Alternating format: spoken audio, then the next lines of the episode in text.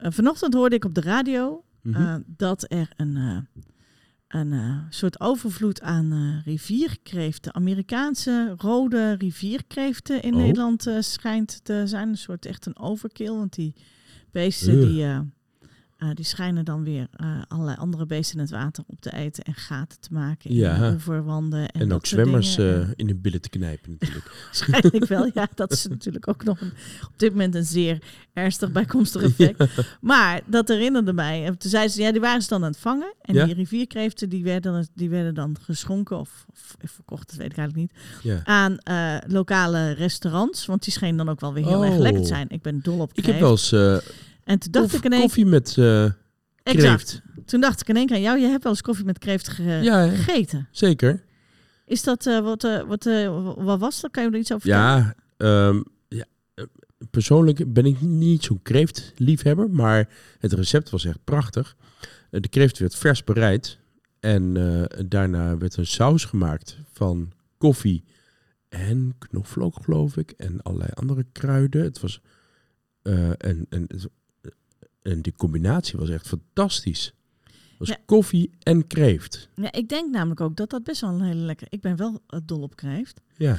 En ik denk ook echt dat dat een hele Het lekkere was, het combinatie was een beetje zoetig vlees, hè? Precies, precies. Het is een beetje zoetsappig vlees. Ja, zoet, ziltig vlees en dan, eh, eh, en, en dan die mooie, zachte, frisse, frisse zoete bitters van de, van de koffie. Ja, dat was wel een mooie combinatie. Ja, dus ik denk dat ik dat wel eens wil gaan... dat ik het ook wel eens wil gaan proberen. Maak ik de koffie voor je met de saus. Eet jij lekker de kreeft. Lijkt me heel erg lekker.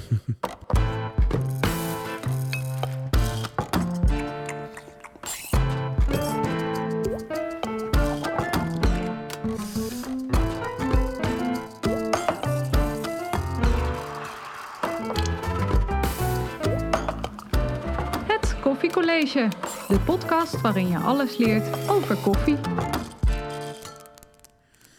Welkom, eh, leuk dat je weer luistert. Wij zijn Brechtje Debe en Joost Leopold. En eh, wij gaan het deze week in de podcast hebben over Joost. Ja, eh, we gaan het hebben over cafeïne. En wat, wat, dat, wat daar allemaal voor waar- en onwaarheden over zijn. Ja, weet je, dat is namelijk zo. We krijgen zo vaak vragen over cafeïne. Ja. Dat wij dachten, en we hebben het wel eens eerder in onze podcast ook wel eens zijdelings over cafeïne gehad. Ja. Maar dit is toch wel echt een topic waarvan wij vinden dat we dat Even Eh. apart eh, bij de hoorns moeten vatten als het precies. Ja. En wij gaan die cafeïne zelf uitproberen in de koffie van Giraffe Ja, Koffie. ware. Giraffe koffie uit Ethiopië. Dus, ja, en ik ben heel erg benieuwd hoe die koffie smaakt. Maar eerst Joost, eh, vertel eens, hoe zit het nou met die cafeïne?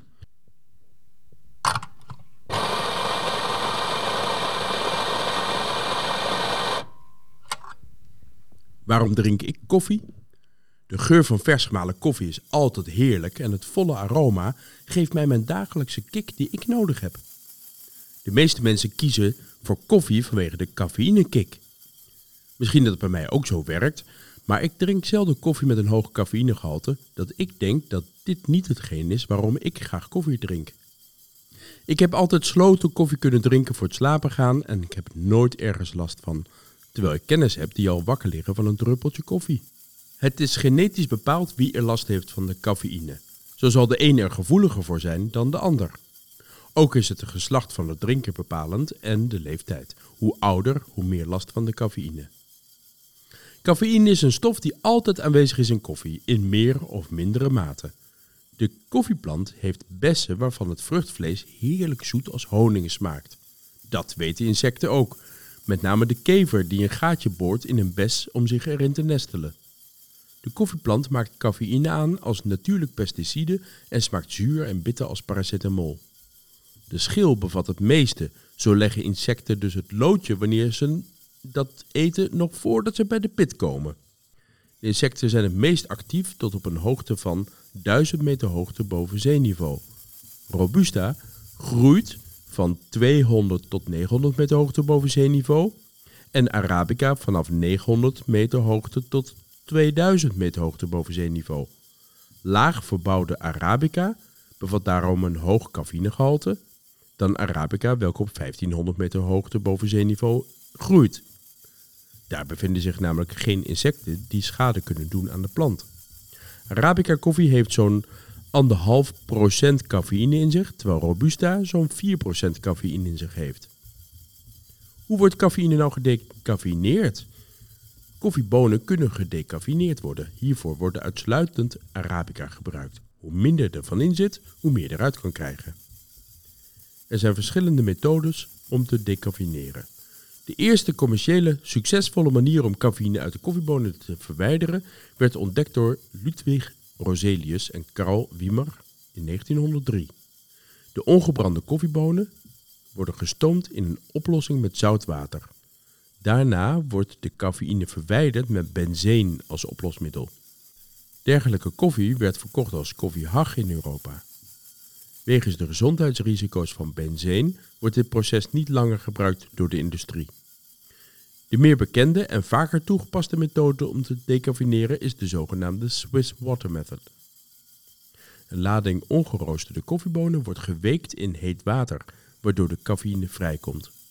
Dit proces wordt uitgevoerd totdat alle cafeïne en koffiebestanddelen opgenomen zijn in het water. Het voordeel van deze methode is dat de smaak en geur van de koffie zo goed als intact blijven. Als koffie gebrand is, kunnen we de bonen gebruiken om een koffiedrank mee te maken. Maar hoe zit het nou met de cafeïne in de drank? Nou, de zoetbittere smaken die ontstaan door het branden van koffie zullen de zuurbittere smaken van cafeïne maskeren. Cafeïne werkt vaatvernauwend, waardoor de stof snel in het bloed opgenomen wordt. Het zorgt ervoor dat je direct een reactie krijgt als hoofdpijn, dat je last krijgt van je darmen, dat je last krijgt van je maag. Maar dit effect is tussen de 10 en 60 minuten te ervaren en de hoeveelheid cafeïne wordt gedurende 4 tot 6 uur gehalveerd in je lichaam. Hoe zit het dan met de hoeveelheid cafeïne in de filterkoffie ten opzichte van espresso koffie? Cafeïne komt vrij door heet water door de koffie te laten gaan. Cafeïne is pas te ervaren na 19 seconden. Hoe langer het water in contact is met koffie, hoe meer cafeïne er vrijkomt. Een espresso die een doorlooptijd heeft van 20 tot 30 seconden, heeft veel meer cafeïne dan een filterkoffie waar het water zo'n 4 tot 6 minuten in aanraking is met de koffie.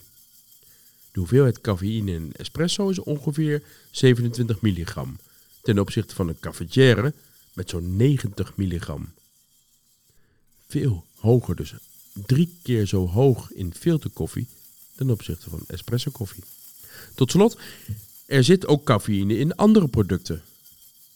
Er zo zijn er 60 plantensoorten die cafeïne aanmaken. Er zit cafeïne in thee, wat we theïne noemen. Ook in cacao zit cafeïne, in cola zit cafeïne en energy drink.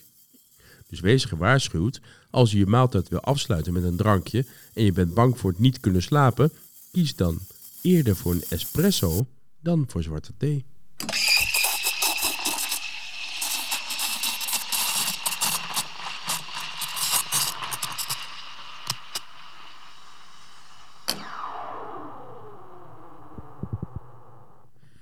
Dankzij eh, die cafeïne in de plant Mhm. eh, hebben de, ehm, zijn de, is de Robusta eigenlijk veel weerbaarder tegen beestjes Ja. dan de Arabica. Ja. En Dubbel zoveel cafeïne in Robusta dan in Arabica. ja, dus, dus bij de Robusta hoeven ze waarschijnlijk dan ook minder bestrijdingsmiddelen te gebruiken om inderdaad die ook. beestjes te bestrijden. Ja. En nou is het wel zo natuurlijk dat, da- door de klimaatverandering die beestjes zich gaan verplaatsen Mhm. hoger in de bergen. Ja. Dus dat, dat, zou, dat zou dan heel mooi zijn als de Arabica eigenlijk ook meer cafeïne gaat bevatten. Het zal me niks verbazen als Arabica steeds Ja. meer cafeïne gaat, ont- gaat ontwikkelen. Ja, want het, het- het is natuurlijk wel, ja, het is een soort, dat, dat moet evolueren. Dat gaat natuurlijk niet van de een op Ja. de andere dag. Maar die Arabica-plant is wat dat betreft echt heel kwetsbaar. Ja. Hey, eh, even Joost, ik heb nog een Mhm. vraag. Ehm, hoeveel, kijk, want ik heb wel eens eh, cafeïne, hè, want het, het is een, een, een pesticide. Ja. Dat klinkt al gelijk dat het ook best wel, en, en die beestjes gaan er dood aan. Ja. Ehm, maar hoe, gez- eh, hoe gezond, CQ ongezond is cafeïne? Hoe- Is hoeveel, voor de mens? Ja, voor de mens. Ja. Nou, je kan zo'n drie tot vier koppen koffie per dag prima drinken. Ja. Ja? Ze zeggen dat als je meer dan zeven koppen koffie per dag drinkt, dat dat wel in de gevarenzone kan zijn. En gel- geldt dat dan voor, voor eh, Arabica of koffie Ja, met hoog We moeten het eigenlijk rekenen in milligrammen eh, cafeïne. Ja, want, Ja. want eh, filterkoffie heeft veel meer cafeïne dan espresso koffie. Maar Ja. wanneer de espresso Arabica is, zit er minder cafeïne in dan filterkoffie met robusta. Ja, Ja. Dus je moet het rekenen per milligrammen. En ehm, eh, dat heb ik genoteerd voor je. Eh, volgens het voedingscentrum is 400 milligram cafeïne per dag onschadelijk. Ja, En dat komt neer op 4 tot 5 koppen koffie per dag. van een gemiddelde koffie. Van Ja. een... Ja. Maar koffie, eh, cafeïne kan ook dodelijk zijn. Oh ja? Ja, Wanneer ga je de dood aan? ik, als je 10 gram cafeïne in één keer binnenkrijgt, maar 10 gram hè. Aha. Dus eh, een milligram is natuurlijk Ja, in duizend... eh, een duizendste van een gram, weet je wel. Dus 10 gram cafeïne, als je dat Ja. binnenkrijgt, Aha. ja, dan is dat dodelijk. Oké, dus je kunt dat iemand je- vergiftigen Ja, dan, met dan, cafeïne. dan krijg je zo'n eh anifali- anifalist, ani- Hoe doen we dat? anafalistische schok. Oké. Ja, waardoor je, eh, ja, waardoor je zo'n eh, heftige ervaring En hoeveel krijgt. koffie moet je dan drinken? Ja, dat is gelijk aan 300 espresso's.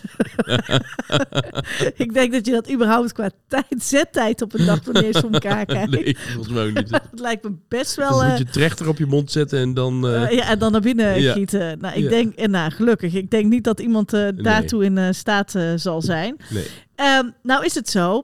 En dat, dat is natuurlijk, het is ook een, een soort van drugs. Want Ja. als je kijkt naar de sportwereld en vooral bij de wielrenners, Ja, koffie is enorm populair bij de fietsers. Ja. En die gebruiken de koffie als een soort alternatief voor doping. Eh, de, in ieder geval dan de cafeïne als alternatief voor ja nou, doping. d- dat- dat was in de jaren 80, was dat ook echt, eh, eh, werd het veel gebruikt als doping. ja, En werd het ook gezien als een doping. Ja. Maar vanaf 2000... Stond ook op de lijst als illegale lijst, eh, stoffen. Ja. Dus werd je op getest. Ja, en, en eh, eh, het is doping wanneer je meer dan twee koppen filterkoffie op een dag drinkt. Ja. Ja, dan is er meer cafeïne in je bloed opgenomen. Dat is nu je- nog steeds zo. Dan is het nog steeds, of dat was toen zo. Dat was toen zo, precies. En Ja. vanaf 2004 hebben ze dat afgeschaft. Oh, en vandaar dus dat cafeïne toch eh, is, is geen doping meer. dus en vandaar dat dus inderdaad al die eh, wielrenners in hun. eh, ik weet echt, hebben de, de, toch toch heel, veel, ja. heel veel koffie drinken. Ik weet bijvoorbeeld dat Tom Dumoulin volgens mij in zijn, zijn, zijn trailer, de, die die, die Mhm. dan altijd meeneemt, dat hij daar gewoon een prachtig espresso-praat heeft staan. en er zijn ook, ja, er is ook een hele leuke podcast, Ja, Live van, Slow, Ride Fast. Oh ja, ja precies. En daar La- Laurens ten Dam. ja, precies van. Laurens ten Dam. En die gaat dus ook over fietsen en koffie. En ik weet niet of het jou wel eens opgevallen hoeveel fiets- en koffiezaken er Nou, in combinatie Wij zijn. krijgen zeer regelmatig thuisbarista trainingen. Ja. En bij mensen die, die eh één specifieke espresso-apparaat hebben, omdat eh, dat met name aangeprezen wordt door Laurens ten Dam. ja, En al die, meestal mannen, Ja. zijn fietsers, ja, het is echt eh, fanatieke fietsers en espresso. Even terug op dat eh, cafeïneverhaal. Mhm. Dus jij, jij geeft ook aan van hè, wat, wat heel vaak gebeurt is dat je dus uit eten gaat en dat je naar Ja. de hand eh, dan ben je klaar met eten en dan wil je nog even een drankje na je Ja. dessert Ja. en dan denk je nou ik doe maar geen koffie want dan kan ik niet slapen. Geef mij maar thee. Stel je voor dat, dat, dat je de hele avond door wijn drinkt. Oh ja, Ja? En je neemt een lekker dessert. Laten we zeggen een chocolade Bavarois. Zoiets dergelijks. Ja. Eh, in wijn. Ik weet niet zeker of er in wijn cafeïne zit. Maar in chocolade, cacao, daar zit zeker cafeïne in. ja. Ja, dus dus eh, van het eten van die chocolade Bavarois kan je een enorme cafeïne kick krijgen. Oh, dan begint het al. Daar begint het al, precies. Eh, als je dan ehm, Als je dan daarvoor nog die kreeft hebt gegeten met die, eh, met die, met die koffiesaus, is het daar begonnen. Maar dan daarna dat dessert. Precies. En daarna eh, neem je natuurlijk een eh, paracetamol voor het Mhm. slapen gaan, omdat je geen last wil hebben van de, eh, van, van de alcohol. Mhm. En in die paracetamol zit vaak ook cafeïne. Dus dan heb je heel keurig aan het einde je kopje Koffie thee, laten ja, staan, Ja, je kopje koffie maar laten staan. ondertussen hartstikke veel cafeïne binnengekregen. Precies, en nog lig je dus vier uur Ja. s'nachts wakker van alle cafeïne. precies. Ik, eh, ik realiseer me dat, ik, eh, dat we het eh, ook heel erg over eten hebben. Of in ieder geval uit eten gaan. Ja. Ik denk dat het ook een beetje komt omdat de restaurants weer open gaan. Ja, Dus mensen, fijn ga lekker met z'n allen naar het restaurant. Ja. En drink gewoon een espresso als je klaar bent. Moet je wel even kijken of het een goede is. Want ja, eh, Ja, dat is natuurlijk wel nog een dat is wel het dingetje. tweede ding. Moeten we het nog een keer over hebben. Als je En, geen eh, goede hebt, smaakt het als een dode muis in je Precies. En mond na dat het is dan- eten. Oh, dat is zo vies. En dat is dan weer zonde van je lekkere maaltijd. Precies. Dus eh, check even wat voor koffie er op de molen zit. En neem gewoon een espressootje. Geniet. De koffierecensie. Hoe beoordelen Joost en Brechtje Reko uit Yekachev, Ethiopië, van Giraffe Coffee Roasters. Ik eh, ga deze koffie beoordelen op het gebied van duurzaamheid, ecologische, sociale en economische duurzaamheid. En eh, of dat dat eh, wel voldoende allemaal zichtbaar is en terug te vinden is bij de brander of op de verpakking.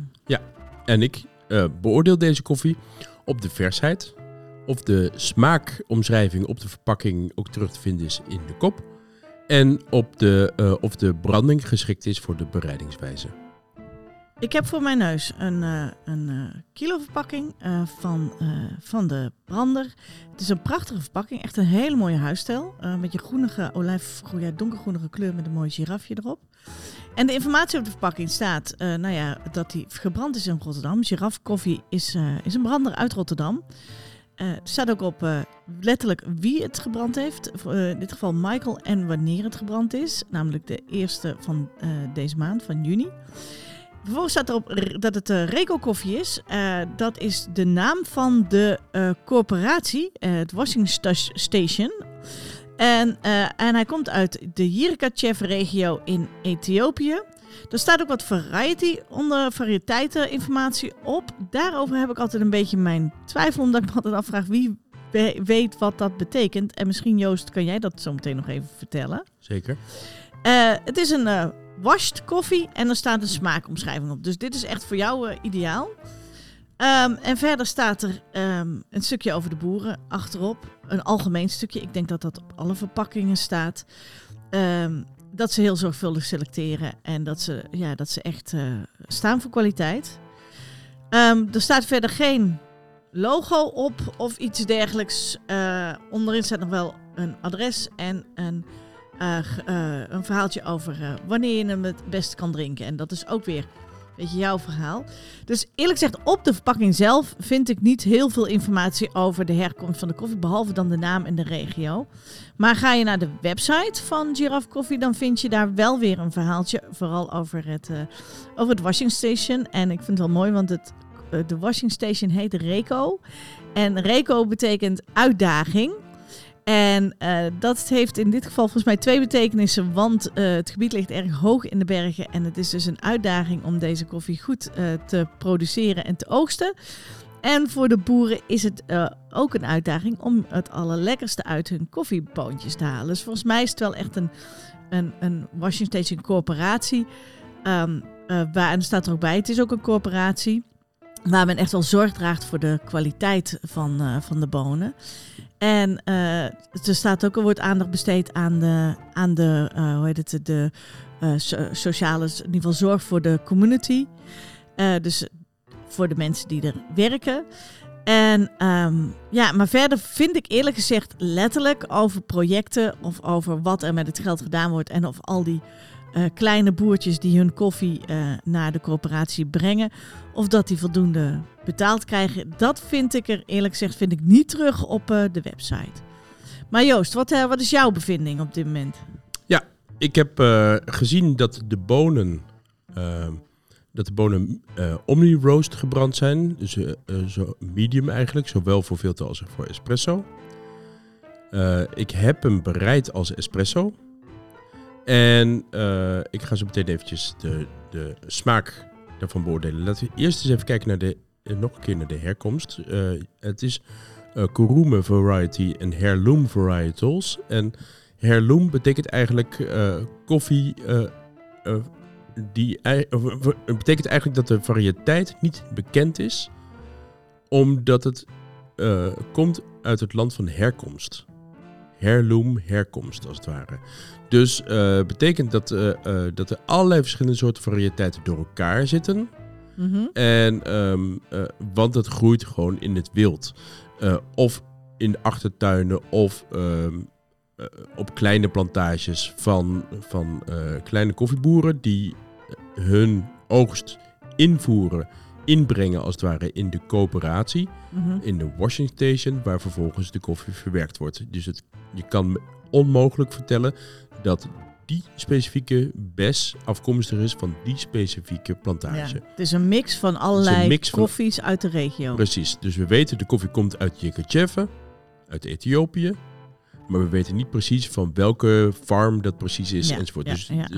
vandaar dat ze niet precies een eh, variëteit erop kunnen zetten. Oké. Ehm, eh, wat ik verder interessant vind op de verpakking is dat, de, eh, dat erop staat dat de koffie gebrand is door Michael. Mhm. Dat vind ik leuk. Ja, vind ik Eh, ook leuk. Eh, geen debutist, We- we maar hadden het, zal ik- de, het zal de brander zijn, Ja, denk ik. precies. Nou, wij kregen drie koffiezakjes van Giraffe Koffie. Ja. Waarvoor super dank. En, maar, en op, waren alle drie door een ander gebrand, zag ik. Oh, wat leuk. Ja, Nou, dat is leuk om dat met elkaar te vergelijken. Er staat ook op dat het roasted is in Rotterdam. Dus eh, gebrand in Rotterdam, door Michael dus, op 1-6-2021. Nu is het 18-6-2021. Betekent dus dat deze koffie twee weken oud is. Tot drie weken ongeveer. Mhm. Nou, dus eigenlijk perfect. Want er staat onder op de verpakking, daar ben ik eigenlijk heel blij mee. Ehm, aanbevolen gebruik binnen zes weken na branddatum. Tenminste houdbaar tot één jaar na branddatum. Dus dat vind ik eigenlijk heel erg mooi. En netjes. Hoe ze dat en heel, Heel net- fijn. Netjes hoe ze dat zeggen.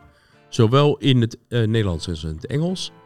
Met een adres erbij. Waar, waar je vervolgens terecht kan. Giraffe koffie in, eh, in Rotterdam natuurlijk. Ehm, en eh, verder op de verpakking staat eigenlijk een hele sumiere smaakomschrijving. Zoet, abrikoos, bergamot. Oké. Bergamot kennen we van Earl Grey thee. Ja. Dat is het citrusvrucht. Ja. Ehm, dat is eigenlijk een soort zest van de citrus. Klein, eh, klein eh, citrusvruchtje uit Italië. Mhm. En ehm, eh, dat geeft een hele specifieke, lekker frisse smaak. Abrikoos is een steenvrucht. En dat geeft dus een zoete smaak, zoetfruitige smaak. Ja, en zoet staat er dus op. Dus eigenlijk de, de, de smaakomschrijving is zoetzuur. Ja, Dat zouden we moeten proeven. Nou, ik zag wel dat ze een recept ook gaven op de website. Dat je Hmm. hem als dubbele espresso moet zetten. Is dat dan ook eh, op zich, zou je dat ook hierbij aanbevelen? Ik heb hem als, niet als dubbele espresso gezet. Mhm. Ik heb hem als enkele espresso gezet. Maar ik heb wel een dubbele espresso op een beetje water gezet. Als een dubbele long black. Oké. Ehm, eigenlijk zou ik hem dan moeten zetten als een dubbele espresso. Maar ik denk niet dat dat anders is dan een enkele espresso. Behalve dat die zeker niet eh, gemaakt moet worden met een enkele filterdrager. Ik denk dat ze dat ermee bedoelen. Oh, oké. Ja? Ik zou zeggen, proef maar. Ja, Ik heb, eh, ik heb hem gezet als espresso. Dat ga ik eerst even proeven. Maar dan ga ik deze De long even, black? de Ja. dubbele long black. Even Die wil ik ook hoor. nog proeven hoor. Ja, Dus, eh, nee, maar ik ga hem niet in één keer elkaar. opdrinken hoor. Wees maar niet bang.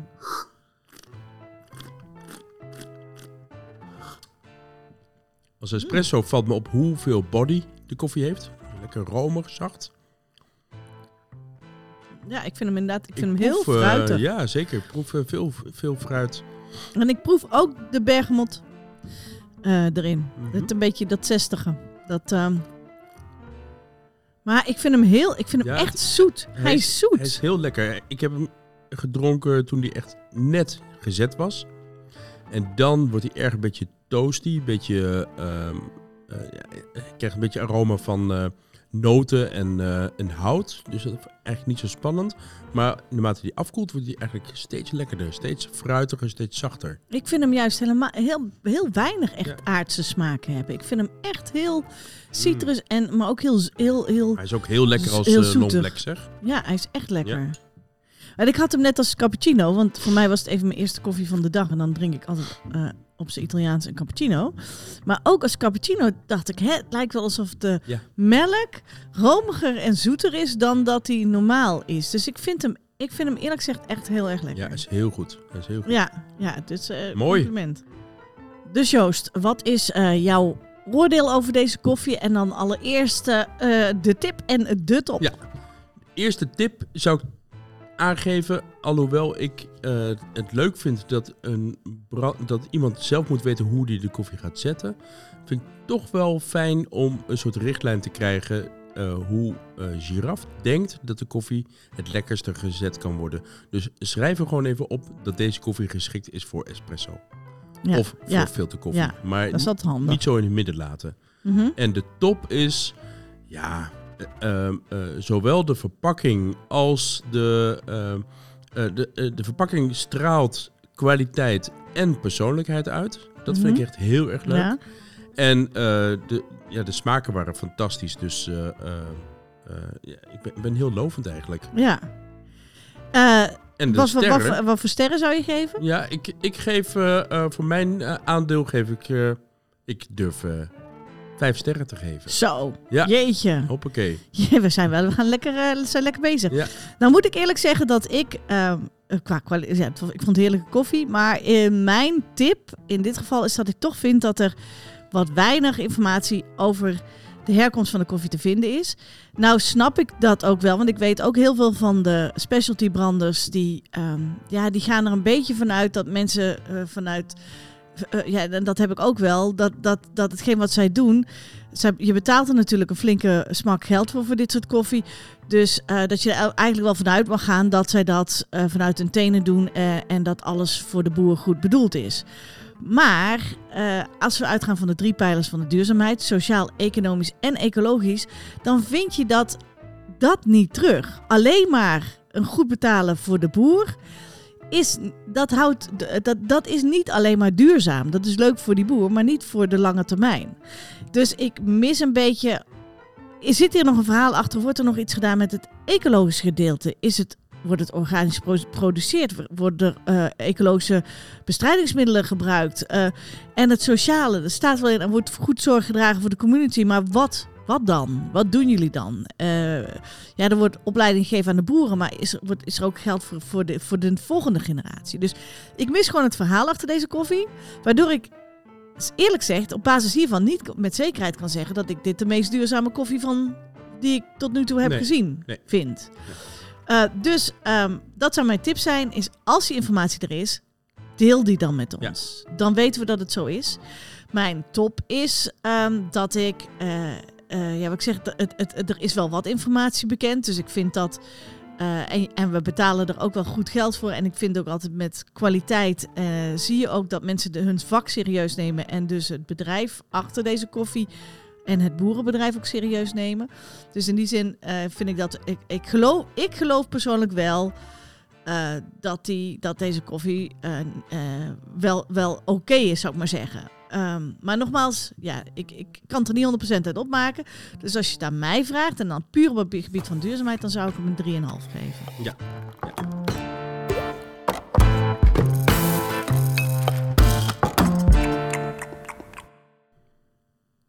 De koffie die we hebben geproefd was de Reco van Giraffe Coffee Roasters. Je kan deze koffie vinden wanneer je gaat naar hun website giraffecoffee.com. En is dat koffie in het Nederlands of koffie in het Engels? Koffie in het Engels. Dus giraffe. Giraffe, G-I-R-A-F-F-E, C-O-F-F-E-E, punt com. Nou, allemaal deze koffie bestellen, want hij was heel erg lekker. Zeker.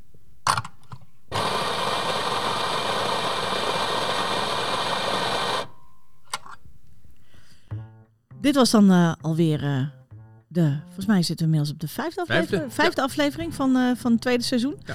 Leuk. Ehm, ik heb nog wel, eh, gek genoeg, eh, een vraag. Ehm, Mhm. Maar ik denk dat we dat, want in, in de podcast hadden we het net eventjes over die variëteiten. En dat, is me, dat blijft een beetje bij me hangen. Mhm. En ik denk dat dat wel iets is, daar weet ik heel weinig van.